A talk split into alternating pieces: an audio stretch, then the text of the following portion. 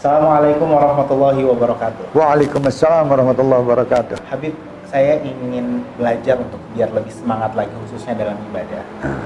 Sholat itu sudah wajib. Ya. Dan kadang tapi masih banyak orang yang sering malas atau apa. Sebenarnya apa sih hikmah sholat terlepas dari semua kewajibannya itu? Orang malas dalam sholat seperti yang dulu pernah kita ceritakan juga. Ya. Jadi karena dia tidak tahu sholat itu perintahnya siapa. Bahwa sholat itu perintah Allah yang dia mengatakan cinta kepada Allah, dia pasti akan menjalankan dan tidak akan meninggalkannya. Tapi terlepas dari kewajiban, apa manfaat? Maksudnya manfaat pribadi selain bahwa ini adalah bukti cinta, tapi yang dirasakan oleh orang yang sholat itu sendiri. Sholat itu adalah hubungan hamba dengan Allah. Manfaat pribadinya, dia akan merasakan tenang.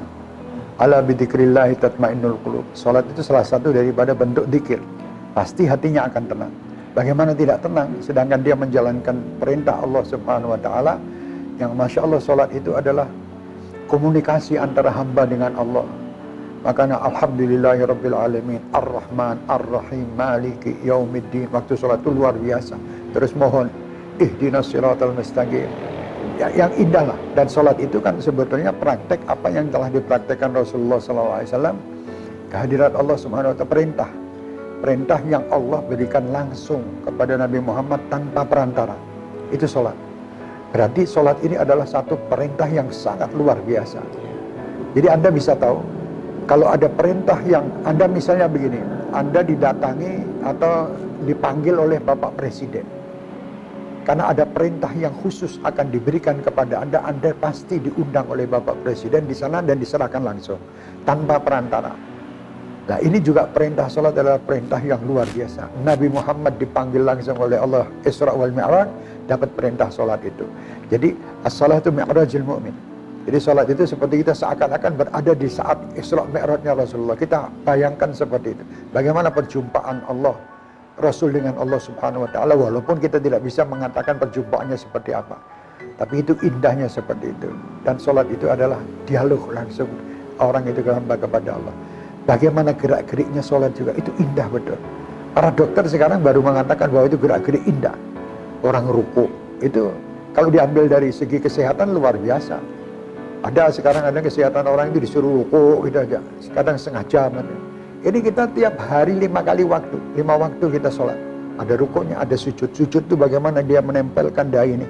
Itu menurut ilmu kedokteran saya tidak tahu ahlinya. Itu ada ada manfaat yang luar biasa. Dan kalau orang merasakan bagaimana nikmatnya sholat, itu nikmat. Tapi walaupun saya belum sampai seperti itu, saya cuma menjalankan kewajiban aja. Kalau orang yang sudah merasakan nikmatnya sholat itu, dia seakan-akan tidak ingin ada luang waktu antara duhur ke asar. Kalau bisa setelah duhur langsung asar. Karena rindunya dengan Allah Subhanahu wa taala. Dan pasti salat itu tanha anil fahsya'i wal munkar. Itu pasti. Jadi kalau ada orang mengatakan saya sudah sholat tapi kok saya masih melakukan munkar, melakukan fahsya, itu bukan bukan bukan sholatnya yang salah, orangnya yang belum khusyuk. Kalau dia sholatnya dengan khusyuk, dengan bagus, pasti dengan sendiri akan tanha anil fahsya wal munkar. Agar bisa khusyuk. Itu yang sekarang Ya, menjadi ya. pertanyaan. Itu Ya. menurut Habib bagaimana? Saya belum pernah bisa khusyuk, jadi saya mau menerangkannya gimana. Ya. Tapi ada cara para ulama untuk menuju khusyuk. Dari wudhu itu kita sudah mempersiapkan dulu. Waktu kita membasuh tangan kita, berkumur-kumur, membasuh muka misalnya, itu kita di situ sudah harus mempersiapkan khusyuk. Waktu kita membasuh tangan itu kita harus yakin, minta kepada Allah supaya tangan ini nanti di akhirat menerima kitab dengan tangan kanan, bukan dengan tangan kiri. Dengan membasuhnya tangan itu semoga Allah menghapus semua dosa-dosa dari tangan. Begitu pula wajah, waktu mulut juga kita kumur-kumur. Itu juga diniatkan bahwa saat itu saya minta kepada Allah untuk menghapus dosa-dosa yang tidak keluar dari mulut. Dosa-dosa dari hidung, dosa-dosa dari wajah, mata, semua ini kan. Kalau kita niatkan seperti itu dalam kita berwudu, insya Allah sholatnya itu akan sedikit banyak khusyuknya. Timbang tidak sama sekali gitu. Tapi kalau khusyuk sampai 4 rakaat, 3 rakaat mungkin sulit. Tapi ada orang-orang yang mampu. Tapi saya belum mampu. Cuman saya punya keyakinan, mungkin orang beda silahkan.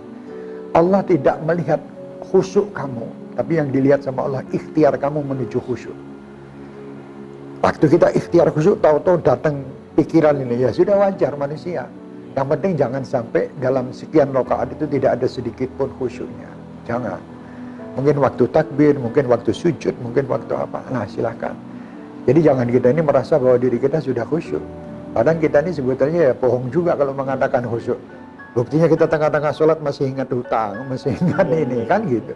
Bahkan sampai ada orang-orang yang kalau kehilangan sesuatu suruh cari di waktu sholat. Iya. Jadi Allah Akbar, astagfirullah kuncinya ada di sana. Padahal tadinya dia tidak ketahuan. Itu pandainya setan. Jadi diganggu aja sama setan ini orang ini biasanya nanti sholatnya khusyuk. Biarkah kunci ini seakan-akan tidak lupa dia. Di waktu sholat Allahu Akbar, baru Allahu Akbar sudah ingat kuncinya ada di sana. Itulah gangguan setan. Tapi tidak apa-apa. Kita ini diganggu sama setan memang itu harus diganggu. Jangan kita merasa bahwa kita, oh setan enteng aja saya bisa lawan setan. Jangan suka begitu. Setan itu lebih pandai dari kita. Cuman kita selalu minta kepada Allah di A'udzu billahi minasyaitonir rajim. Kita minta perlindungan dari Allah untuk tidak diganggu oleh setan. Kita tidak bisa melaknat setan. Yang bisa melaknat setan hanya Allah. Karena kelakuan kita kadang lebih dari setan. ya itu itu untuk sholat tanha anil fahsya wal munkar insyaallah. Lalu tentang kan sholat lima waktu. Lalu ketika kita masuk kepada sholat berjamaah, Ya, harus nggak sih seseorang tuh kayak oh harus sholat jamaah atau bagaimana? Anjuran Rasulullah SAW orang yang paling baik itu adalah orang yang selalu sholatnya berjamaah. Syukur-syukur di dalam masjid. Itu yang baik. Jadi kita tidak bisa mengatakan bahwa sholat itu di mana pun silakan ya masjid pasti itu tempat dan berjamaah lima waktu di situ itu terbaik. Syukur-syukur nanti dia di rumah juga sholat jamaah sama istri sama anak itu juga baik juga. Itu sholat yang paling baik adalah sholat berjamaah.